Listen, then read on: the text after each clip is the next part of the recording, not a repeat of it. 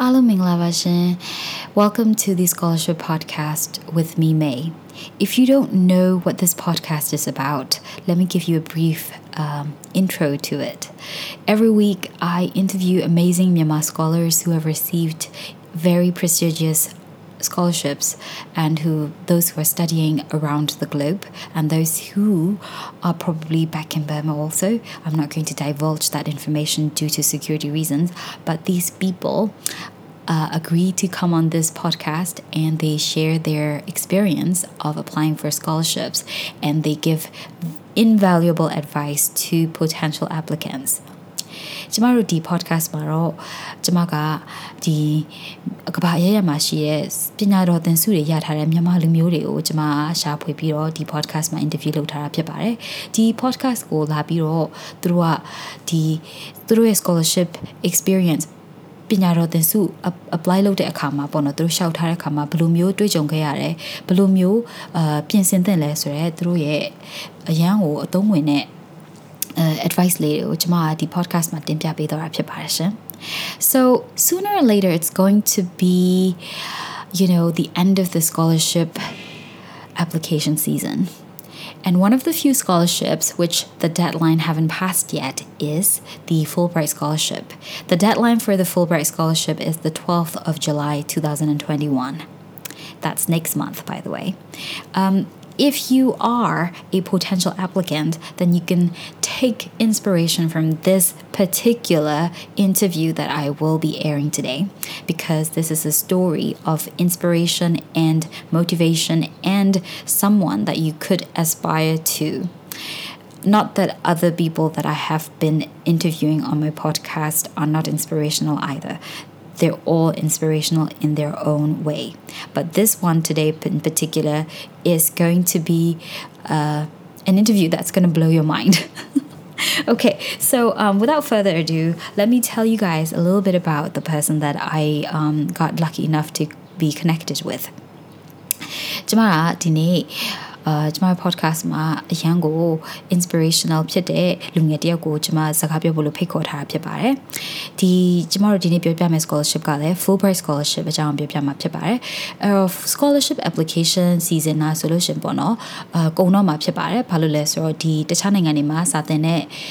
အချိန်ကပေါ့နော်။အရန်ကို ဟိုဒီ scholarship applications အချိန်ကဟိုတိုတောင်းပါတယ်ဒီအခုနှစ်ဆိုလို့ရှင်ဒီနှစ်မကုန်ခင်ဥပမာပေါ့နော် July August လအထိ July လအထိဆိုလို့ရှင်ဒါနောက်ဆုံးပါကျန်တဲ့ scholarship တွေအကုန်လုံးလည်းမရှိတော့ပါဘူးဒါဒီနောက်နှစ်အတွက်စာသင်တဲ့သူတွေအတွက်ပေါ့နော်ဒီနှစ် July လအထိပဲနောက်ဆုံးပဲသူတို့ရဲ့ scholarship တွေကဖွင့်ထားတာဖြစ်ပါတယ်အဲ့တော့ကျမတို့အခု scholarship မကုန်အဲ deadline မရှိသေးတဲ့ deadline မရောက်သေးတဲ့ scholarship တခုကတော့ Fulbright scholarship ဆိုတာပဲဖြစ်ပါတယ် Fulbright scholarship ဆိုတာကိုကျွန်မရဲ့အရင် podcast မှာလည်းကျွန်မရှင်းပြပူပါတယ်ဒီ requirement လေးတွေသိချင်တယ်ဆိုလို့ရှင်တော့သူတို့ရဲ့ website မှာလည်းတွားကြည့်ကြည့်ပါနောက်ပြီးတော့သူတို့ရဲ့အာဒီ information ကိုကျွန်မရဲ့အရင် previous podcast episode မှာလည်းနားထောင်ကြည့်လို့ရပါတယ်ဒီနေ့ကျွန်မကဖိတ်ခေါ်ထားတဲ့လူငယ်တယောက်ကတော့အရန်ကို inspirational ဖြစ်စရာကောင်းတဲ့လူငယ်တယောက်အကြောင်းဖိတ်ခေါ်ထားတာဖြစ်ပါတယ် so this person that I have picked for my interview today is an inspirational young man he grew up in the in in Shan State, uh, went to a local government school and went to a boarding school for his ninth and 10th standards. And he attended medical school in Myanmar. And um, he applied for the uh, Fulbright Scholar and he received it. And he's one of the few people who um, got this amazing opportunity to study in Harvard University. So, if you think about Harvard University, you're going to be thinking, heck, this is a world class university. And you know what? A world class university needs world class people, and people from Myanmar as, are as brilliant as you can imagine. And this young man is going to be talking about his uh, scholarship experience, and he's going to talk a little bit about his background. And hopefully, this will be a little jolt for you guys to commit to uh, applying for scholarships, uh, commit to making yourself a much um, more knowledgeable person in all fronts so that you can apply for scholarships either for this year or maybe for the coming year. So let's start with the interview. Okay ပါရှင်ကျမတို့ရဲ့ podcast ကိုလာပြီးစကားပြောပြရတဲ့အတွက်အရင်ကျေးဇူးတင်ပါတယ်အဲ့တော့ပထမဦးဆုံးအမောင်လေးကိုကိုကိုနည်းနည်းမိတ်ဆက်ပေးပါရှင် အော်ဟုတ်ကဲ့အော်ကျွန်တော်တော့တကယ်ချင်းနေရတော့ကိုဆိုင်လို့ပဲခေါ်တာများတာပေါ့နော်ဟုတ်ကဲ့ဆိုတော့ကျွန်တော်ကတော့ဟိုစာတီးရလို့ရှမ်ဘက်ကပါပဲဒါပေမဲ့ဟိုလဲရှိုးပါပေါ့ကျွန်တော်ရဲ့ profession ကတော့ medical doctor but uh public health ပေါ့နော်ပြည်သူ့ကျန်းမာရေးဘက်ကိုလုပ်တယ်ဆိုတော့အပြည့်အရင်တော့အရင်တော့ရောလက်ရှိရောကဘယ်မှာလုပ်လဲဆိုတော့ NGO လိုမျိုးတွေပြီးရှင် UN အဖွဲ့အစည်းတွေ humanitarian sector ပေါ့နော်အဲ့ဒီဘက်မှာလက်ရှိလည်းလုပ်ရှိနေပါအဲလက်ရှိအလုပ်လုပ်နေပါတယ် ဟုတ်ကဲ့အဲ so မောင်လေးရဲ့ဒီနေ့ပြောပြမယ် scholarship အကြောင်းကိုနည်းနည်းလေး introduce လုပ်ပေးပါဘယ် scholarship ရလဲ and နောက်ပြီးတော့ဘယ် educational institution မှာစာသင်ခဲ့လဲဆိုတာလေးနည်းနည်းပြောပြပေးပါဟုတ်ကဲ့ကျွန်တော်ကတော့ဟို full price scholarship ပေါ့နော် full price scholarship ရပါတယ်ဟိုတွတ်တက်တဲ့နေ့ကတော့2018 2019မှာတွတ်တက်တာပေါ့နော်အဲဆို US မှာပေါ့ so full price ဆိုတော့ full price ကတော့ US institution မှာတွတ်တက်ရတယ်ဆိုကျွန်တော်တက်တဲ့ program ကတော့ Master of Public Health Master of Public Health ပြီးတော့ကျမရေးပဲပေါ့နော် concentration ကတော့ Global Health Global Health ကိုယူထားတယ်ဆိုတော့အဲတက်တဲ့တက်ကတော့ Harvard Public Health School မှာတက်ခဲ့တာပါ publication. Okay. All right. So let's get dive like let's dive right into it ပေါ့နော်။အဲ scholarship apply လုပ်ချင်တဲ့လူငယ်လေးကိုအကယ်၍ advice ကိုပေးစရာအများကြီးပဲဒါမှမဟုတ်ပထမဆုံးအဲပထမ၃ခု advice ပေးရမယ်ဆိုလို့ရှိရင်ဘယ်လို advice လေးများပေးချင်လဲမသိရှင်။ဟုတ် number 1ကတော့တင်းနှစ်တုံးဆိုတာထက်ကိုကျွန်တော်ထင်တယ်အရေးကြီးဆုံးအချက်က commitment ပေါ့နော် commitment ဆိုတာကအဲဘာလဲဆိုတော့သူ့ရဲ့ decision ပေါ့ကိုယ့်ရဲ့ရှောက်မယ်ဆိုတဲ့ commitment ဘယ်တော့ရှောက်မယ်ဆို commitment အဲ့ဟာကိုကိုရင်ပေးရမယ်လို့ထင်တယ်။ဘာလို့ဆိုတော့ဟိုကျွန်တော်ပါဝင်ပေါ့လေကျွန်တော်တည်တဲ့တငယ်ချင်းတွေလည်းနေရွှေညရွှေညမလျှောက်ဖြစ်ဘူးပေါ့နော်။တော့တက်ချင်တာပဲရှိတယ်ဒါပေမဲ့မလျှောက်ဖြစ်ဘူးဆိုတော့နံပါတ်1ကကိုမလျှောက်ရင်တော့လုံးဝမရဘူးလေ။နော်မလျှောက်မလျှောက်ဘူးဆိုရင်တော့ selection လည်းပါစရာအကြောင်းမရှိဘူးဆိုတော့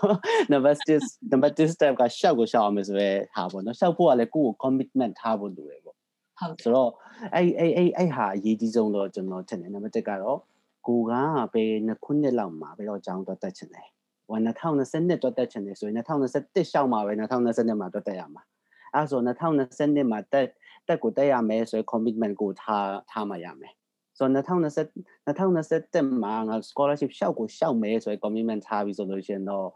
သူ့ရဲ့ requirement ကလေအလိုလိုကိုကို prepare ဖြစ်သွားရောပေါ့နော်ဆိုတော့ ဟိုကိုကို commit အရင်လုပ်ပြီးလို့ရှိရင်တော့ဘယ်တော့လဲဆိုတဲ့ decision ပေါ့နော်ကိုဟာကိုစာရေးတာဖြစ်ဖြစ်ကောင်းတယ်မှာ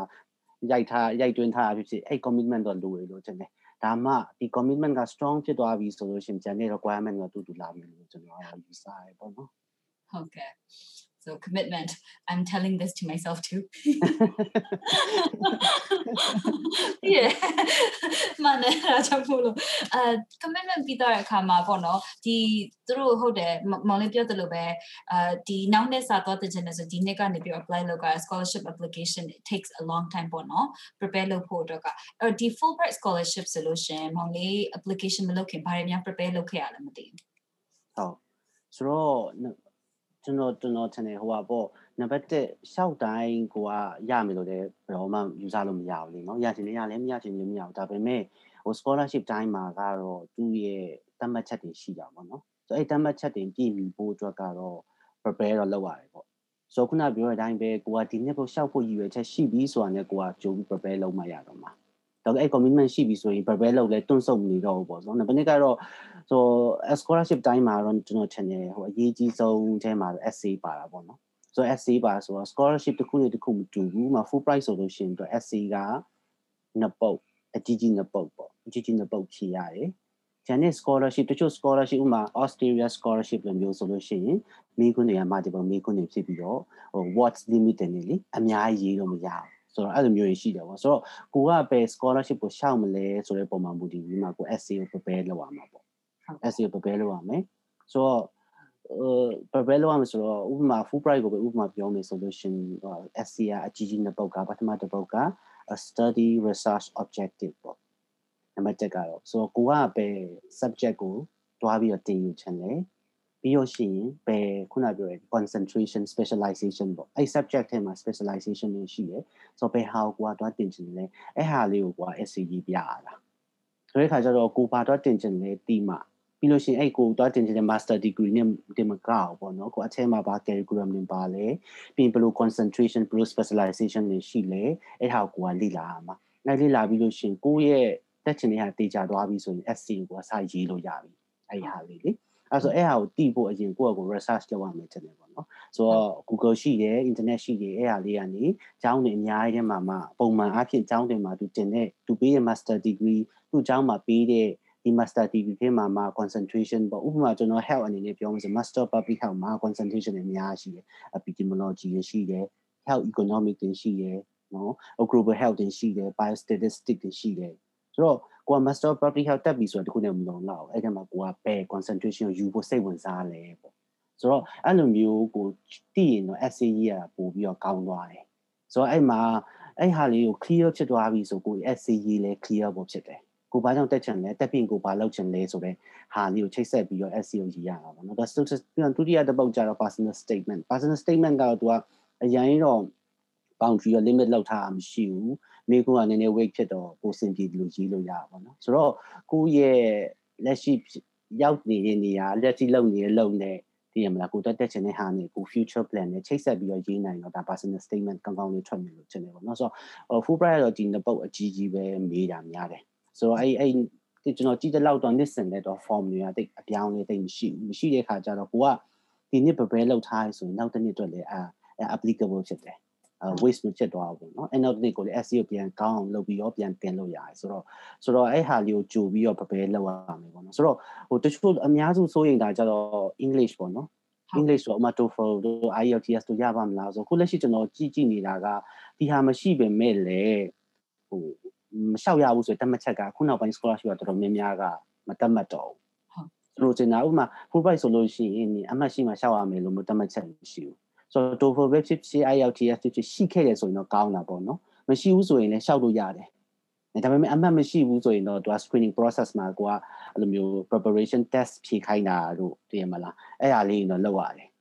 ပြီးလို့ရှင်တကယ်တကယ်ဟို Fulbright ဆိုလို့ရှင်တော့ Fulbright process ကိုပြောမယ်ဆိုရင် number 1က application ရှောက်ရတယ်ရှောက်ပြီးလို့ရှင်ဥပမာဒီတစ်နှစ်ဆိုရင် Fulbright ရဲ့ application ကကျွန်တော်ဒီလောက် July မှာပိတ်လိမ့်မယ်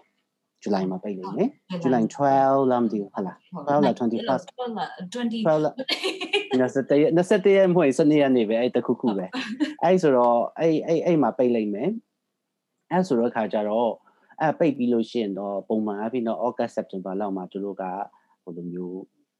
TOEFL တို့ IELTS တို့မရှိဘူးဆိုရင်တော့သူက screening test တွေဖြေခိုင်းတယ်။ဟုတ်အဲ့ screening test မှာနည်းနည်းပြဿနာရှိရပေါ့နော်။ကျွန်တော်အမတ်အမတ်တွေကမပြည့်ဘူးဆိုရင်အမတ်ကမလောက်ဆိုလို့ရှိရင်ကိုကတခါကျရင်ကိုယ့် essay ကကောင်းနေပေမဲ့လေဒီ interview ဘက်မရောက်သွားတာတော့ဖြစ်တတ်တယ်ပေါ့နော်။ဆိုတော့အခါကျတော့ရှိရင်တော့ကောင်းခဲ့တယ်ပေါ့မရှိရင်တော့အဲ့အဲ့ခုနပြောတဲ့ screening test တွေဖြေရလိမ့်မယ်။ဖြေရလိမ့်မယ်။ IELTS ဖြေထားဆိုရင်သူကဟို request လုပ်ရ IELTS အမတ်ပြပြီးတော့တော့ screening test မှာမဖြေရလဲရတယ်ဆိုတော့ ပြီးလို့ရှိရင်တော့ September ဝန်းကျင်တော့ပုံမှန်အဖြစ်တော့ကျွန်တော်မှတ်မိတဲ့လောက်တော့ Fulbright interview ခေါ်ရပေါ့လေဆို waiting 2 3 week လောက်မှာဆိုသူကကြာတော့မြန်မာနိုင်ငံအနေနဲ့တော့ pre selection အနေနဲ့ရွေးလိုက်တယ်ဆိုအဲ့လိုရွေးလိုက်တဲ့လူတွေက next step အနေနဲ့တော့ဘာလုပ်ရမလဲဆိုခုနပြောတဲ့ဒီ TOEFL တို့ GRE ပေါ့နော်ပုံမှန်အားဖြင့်တော့အချိန်တစ်လတစ်လကြော်ကြော်လောက်ပဲရတယ်တစ်လနှစ်လအတွင်းမှာအဲ့ဒါကိုဖြေရတာဒါကကြတော့တကယ် official ဖြေရတဲ့ဟာပေါ့နော်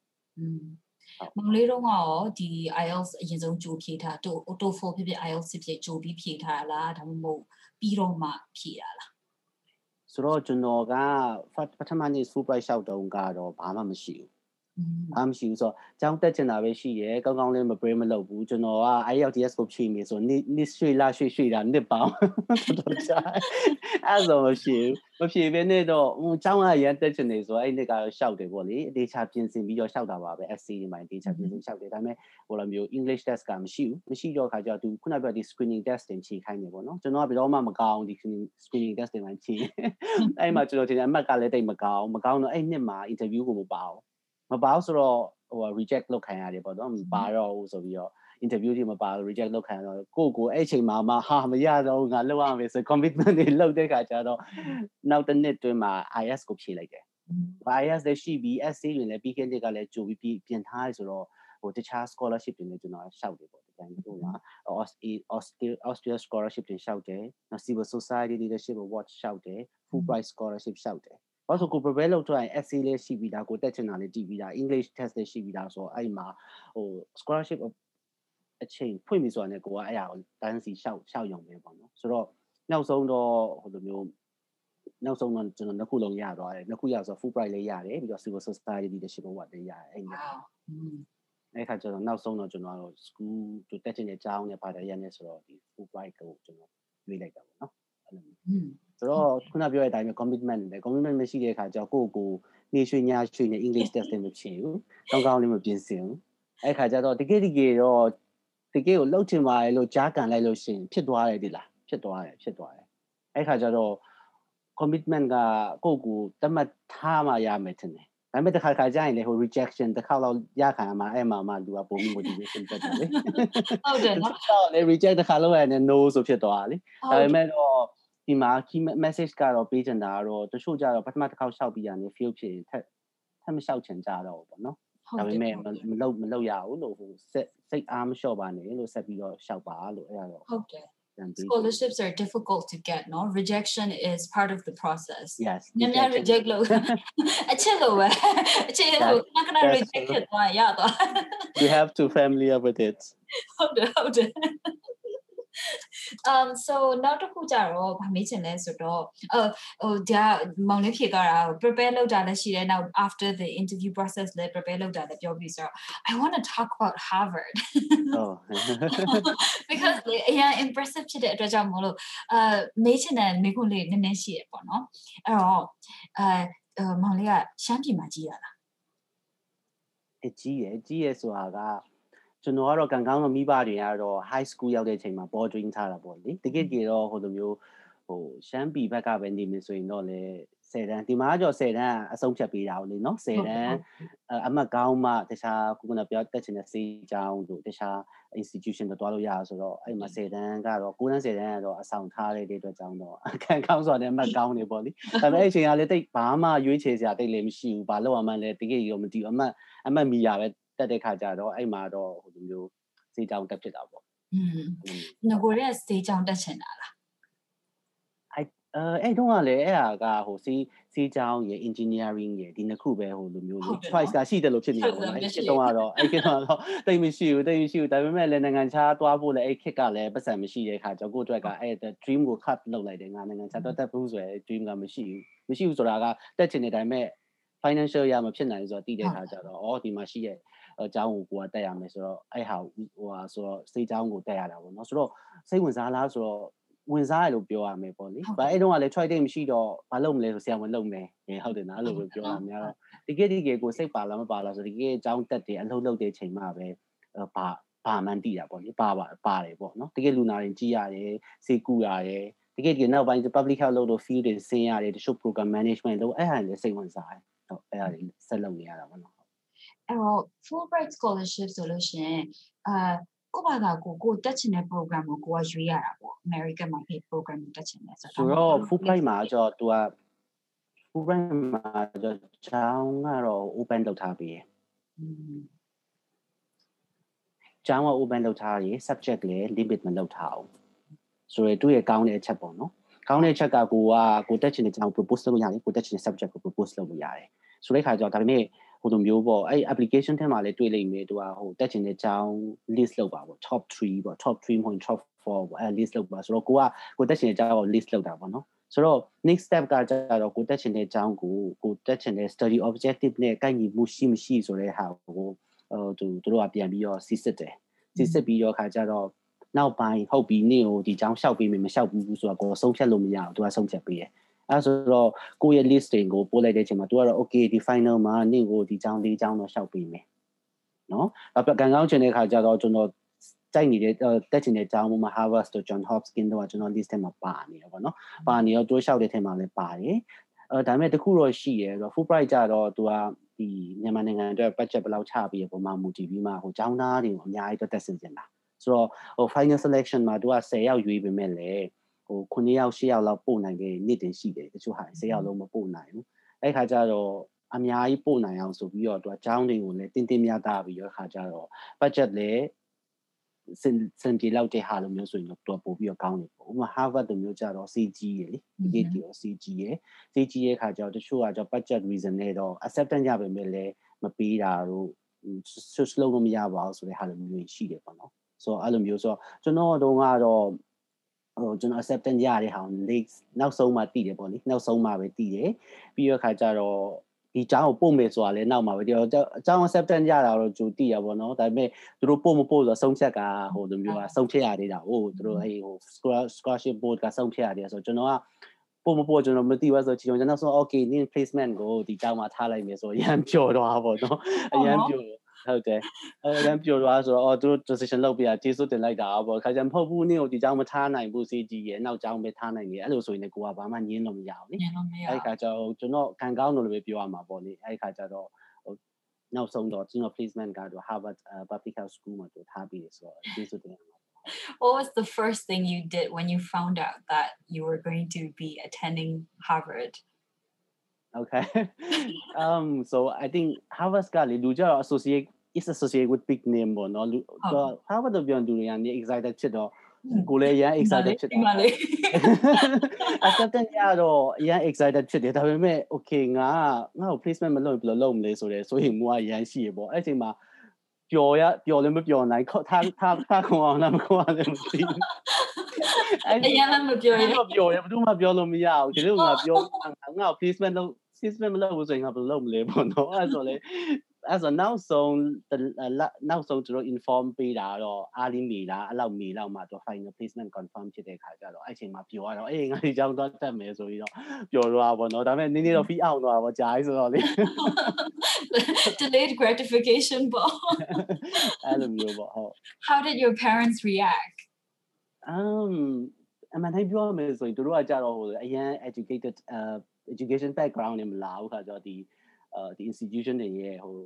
different type of institution ကိုတိတ်ပြီးတော့အဲ့လောက်ထိဟိုမဖြစ်ဘူးပေါ့လေအဲ့လောက်ထိမဖြစ်ဘူးဟုတ်ကိုသားအကြောင်းတော့တက်ရမယ်ဆိုတာလောက်ပဲသူကပြောတာပေါ့နော် scholarship ပြောက်တယ်နိုင်ငံခြားအကြောင်းတက်တက်ရမယ်ဆိုတော့ဒါတော့သူက proud ဖြစ်တာပေါ့လေဟိုဘယ်ကြောင်းမှဆိုရဲဟာလို့ပြောသူကမသိဘူးဆိုတော့ Harvard ရဲ့တိတ် net ကိုလည်းသူတို့အရင်တော့ဒီချင်မှတိနေလို့တော့ကျွန်တော်အထင်တယ်ကျွန်တော်လည်းအရင်တော့တော့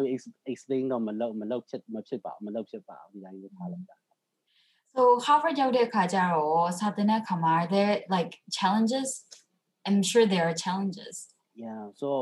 ကျွန်တော်ဟိုပါပေါ့တခုတော့ရှိရပါလေသူကဟို undergrad နဲ့ဟိုပါ professional school တွေတော့တိတ်တူပေါ့နော် nature ရကြ undergrad ကြတော့ပို့ပြီးတော့ဟိုလိုမျိုးလေတက်ကတူ PB high school PB ချင်းတော့တက်ရတော့အဲ့ဒါပို့ပြီးတော့လေ competitive လည်းဖြစ်တယ်ပို့ပြီးတော့ဟို selection process မှာအရန် competitive professional school မှာ competitive တော့အရန်ဖြစ်ပါအများကြီးသူတို့ကဟိုဟာရှောက်ရတာအောင်နော်ဆိုတော့ဟိုဒါပေမဲ့သူ selection background ကတော့သူချင်းမှသူလိမ့်မယ်သူကဘယ်ဟာ criteria ရွေးပြီးတော့ acceptance လုပ်လို့တော့ကျွန်တော်တိတ်တော့မသိဘူးအဲဒါပေမဲ့ကံကောင်းတော့ပါရွေးရွေးချယ်တော့ပါသွားတယ်ပေါ့လေပါတော့ဆိုကျွန်တော်တို့ကပထမအဆုံးကတော့ challenge ကတော့ဘယ်လိုခံစားရလဲဆိုတော့ဟို sense of belonging ပေါ့နော်အဲ့ဟာကြီးကနည်းနည်းတော့ issue ရှိရလို့ထင်တယ်ခုကိုဟိုဒီမှာတက်ရပေမဲ့လည်းငါကဒီဟာနဲ့တန်ရလာတာမို့လူတွေက expectation ရန် high ဖြစ်နေတဲ့ခါကျတော့ကိုကတော့အဲသူတို့ expect လုပ်တဲ့ဟာကြီးမဟုတ်လားဘူးလားမသိဘူးဆိုရင်အမြင်အမြင်ဖြစ်တယ် Like a, like an imposter syndrome ပေါ့နော် like somebody will Yeah. find out that you actually new လူတွေအများစုအဲ့လိုပဲတော့လက်ဒီမှာစာသင် expect လုပ်တာနော်ဟုတ်ဟုတ် I တယ် just ဘာလို့ sometimes လူတိုင်းလူတိုင်းအများစုတက်ချင်တဲ့အကြောင်းပေါ့လေတော့နာမည်ကြီးတဲ့အကြောင်းဆိုအများကြီးတက်ချင်တဲ့အကြောင်းတော့အဲ့ရောက်သွားလို့ရှိရင်အရန် special ဖြစ်တယ်လို့ပဲလူတွေကထင်တယ်ပေါ့လေဒါပေမဲ့အကုန်လုံးလည်း special ဖြစ်ချင်လည်းဖြစ်မယ်မဖြစ်ချင်လည်းမဖြစ်ဘူးပေါ့လေဒါပေမဲ့ကျွန်တော်တွေ့ရတဲ့ငွေချင်းအကုန်လုံးကတော့ရန်တော့တော်ကြပါတယ်သူတို့တွေလေဟိုဘယ်လိုပြောမလဲအကုန်လုံးဒီ ဒီ selection လောက်ခံရပြီးတက်လာလို့ unique background တွေတော့ရှိတယ်ပေါ့လေသူမှတခုခုမှသူက unique ဖြစ်ပြီးတော့သူချင်တယ်လို့ပဲဒီလိုမျိုး selection committee က pick up လုပ်လိုက်တယ်လို့ကျွန်တော်တော့ယူဆရပေါ့လေဆိုကျွန်တော်ဟာဆိုလို့ရှိရင်လေကျွန်တော်ထင်တယ်ဟိုကျွန်တော် professional background ရယ်လာတဲ့လာတဲ့ country ရယ်ပြီးတော့ခါကျတော့ကိုယ့်ရဲ့ unique ဖြစ်တဲ့ background လို့လည်းကျွန်တော်ယူဆတယ်ပေါ့လေဆိုဟိုဘက်မှာကျတော့အဲဆရာမလေးလုပ်နေဆိုတော့ ခါကျတော့ classroom မှာကျ diversity ကိုလည်းသူများအားပေးရအောင်နော် diversity ကိုအားပေးတယ်ပြီးလို့ရှိရင်ဟိုအဲတခြား classmate တွေကိုဘယ်လောက် contribute လုပ်နိုင်တဲ့ပုံမှာသူကကြည်တာဟုတ်ဟုတ်တယ်မလား experience တွေရော cultural exchange တွေအများကြီးကြည့်တဲ့အခါကျတော့ဒါကိုလည်းသူတို့စဉ်းစားလိမ့်မယ်လို့ကျွန်တော်တော့ယူဆတယ်ပေါ့နော်ဆိုတော့ diverse ပြီးတော့ခါကျတော့တခြားအကြောင်းနဲ့စာရင်တချို့အကြောင်းတွေကြောင့် international student တိတ်မရှိဘူး ဒါပေမဲ့ဥမာ Harvard လိုမျိုးနာမည်ကြီးရဲ့ Harvard တို့ MIT တို့တခြားကျောင်းတွေဆိုလို့ရှိရင်တော့ international နိုင်ငံကလည်းအများကြီးလာတက်တဲ့အခါကျ international student ကများတယ်များဆိုလို့ရှိရင် class ထဲမှာဆိုရင်30 to 40%လောက်တော့ international student ရှိနေပြီကျင်တယ်တချို့ဆိုအမေရိကကျောင်းတော့တက်တယ်ဒါပေမဲ့ international student က3-4ယောက်လောက်ပဲရှိတယ်ကိုယ့် classroom ထဲမှာလေအဲ့ခါကျတော့ဟိုမှာတော့ international student များတယ် Harvard မှာကျတော့ so diverse ဖြစ်တယ်ပေါ့လေ diverse ဖြစ်တယ်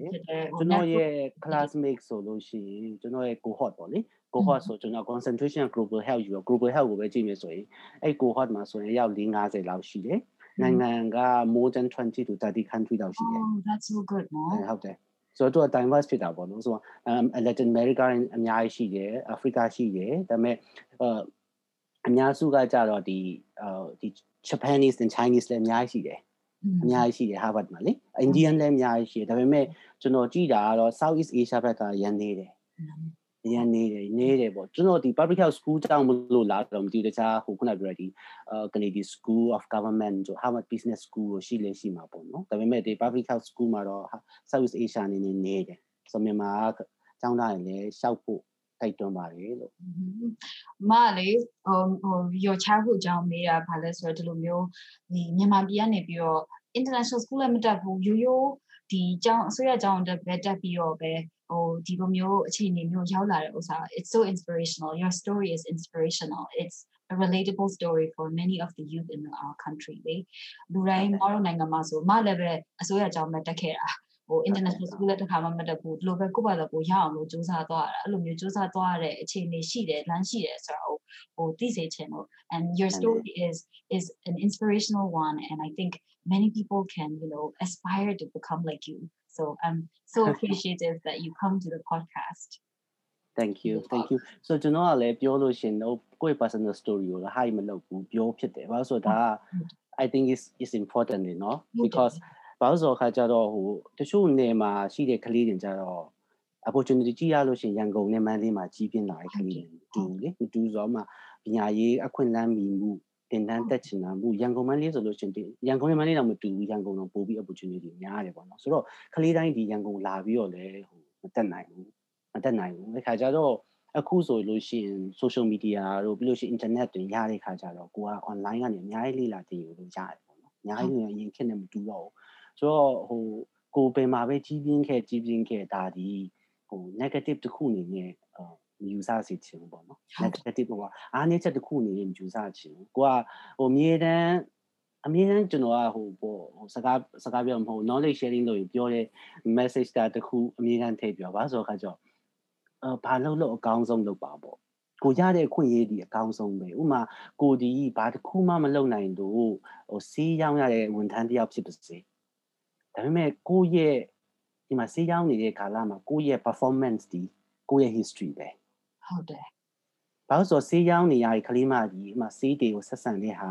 ပြီးလို့ရှိရင်အလုတ်အလုတ်အလုတ်ရှင်ကိုသူ့ရဲ့လှုပ်အားခပြန်ပေးတဲ့အချိန်မှာသူ့ရဲ့ performance ဒီသူ့ရဲ့ history ပဲဆိုတဲ့အခါကျတော့ဒီမှာဒီတက်တလုံးလှုပ်ဖို့တော့ပြောတာမဟုတ်ဘူးသူဒီတစ်ချိန်ချိန်မှာဒီတစ်ချက်ကောင်းတဲ့လှုပ်တွေရနိုင်တယ်တစ်ချက်ကောင်းတဲ့အခွင့်အရေးတွေရနိုင်တယ် ဟိုလက်ရှိသူလုပ်ခဲ့တဲ့ဟာရဲ့အနောက်ကအရင်တော့သူလုပ်ခဲ့တဲ့အလုပ်ဒီသူရဲ့ history ဖြစ်တဲ့အတွက်ကြောင့်မလို့အမြဲတမ်း history ကောင်းနေတဲ့လူဒီ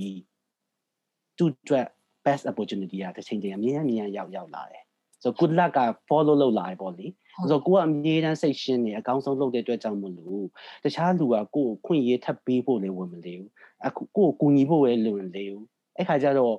အရာအရာတိုင်းလှုပ်တဲ့ချိန်မှာဒီဟိုကို ကိုလုပ်တဲ့ကိစ္စတခုကိုအမြဲတမ်းတန်ဖိုးထားပြီးတော့အကောင်းဆုံးလုပ်ဒါဒီကိုယ့်ရဲ့ history ပဲအဲ့ဒီဟာဒီကိုယ့်အတွက်တစ်ချိန်ချိန်ကြာရင်အကောင်းဆုံးပေးလိုက်မယ်ပေါ့နော်ဆိုတော့ကျွန်တော်ဒီဆရာဝန်တက်ချင်တာကိုတရားရခိုင်နှုန်းလို့တေချာချင်မှတေချာမယ်ဒါပေမဲ့ကျောင်းတက်တုန်းကတော့ဟိုစာအောင်မှန်မှန်လုပ်ခဲ့တယ်ဆိုင်ဘွဲကြအောင်မလုပ်ဘူးဒါပေမဲ့အလုပ်လုပ်တဲ့ချိန်မှာဒီတိုင်းပဲအလုပ်လုပ်တဲ့ချိန်မှာကိုဒီအကွက်အကောင်းဆုံးကိုကိုပေးတယ်နေတဲ့အတွက်ကြောင့်မလို့ gradually ဒီကိုက အခွင့်အရေးတွေရှိလာတယ်လူတွေလည်းကိုယ့်ကိုပို့ပြီးတော့ပံ့ပိုးချင်လာတယ်ဒီက step by step ကနေကိုကဘာဖြစ်လို့လဲဆိုတော့ improvement ရတာပေါ့လေ improve ရတဲ့ခါကျတော့ဟိုကိုဘလောက်ပဲ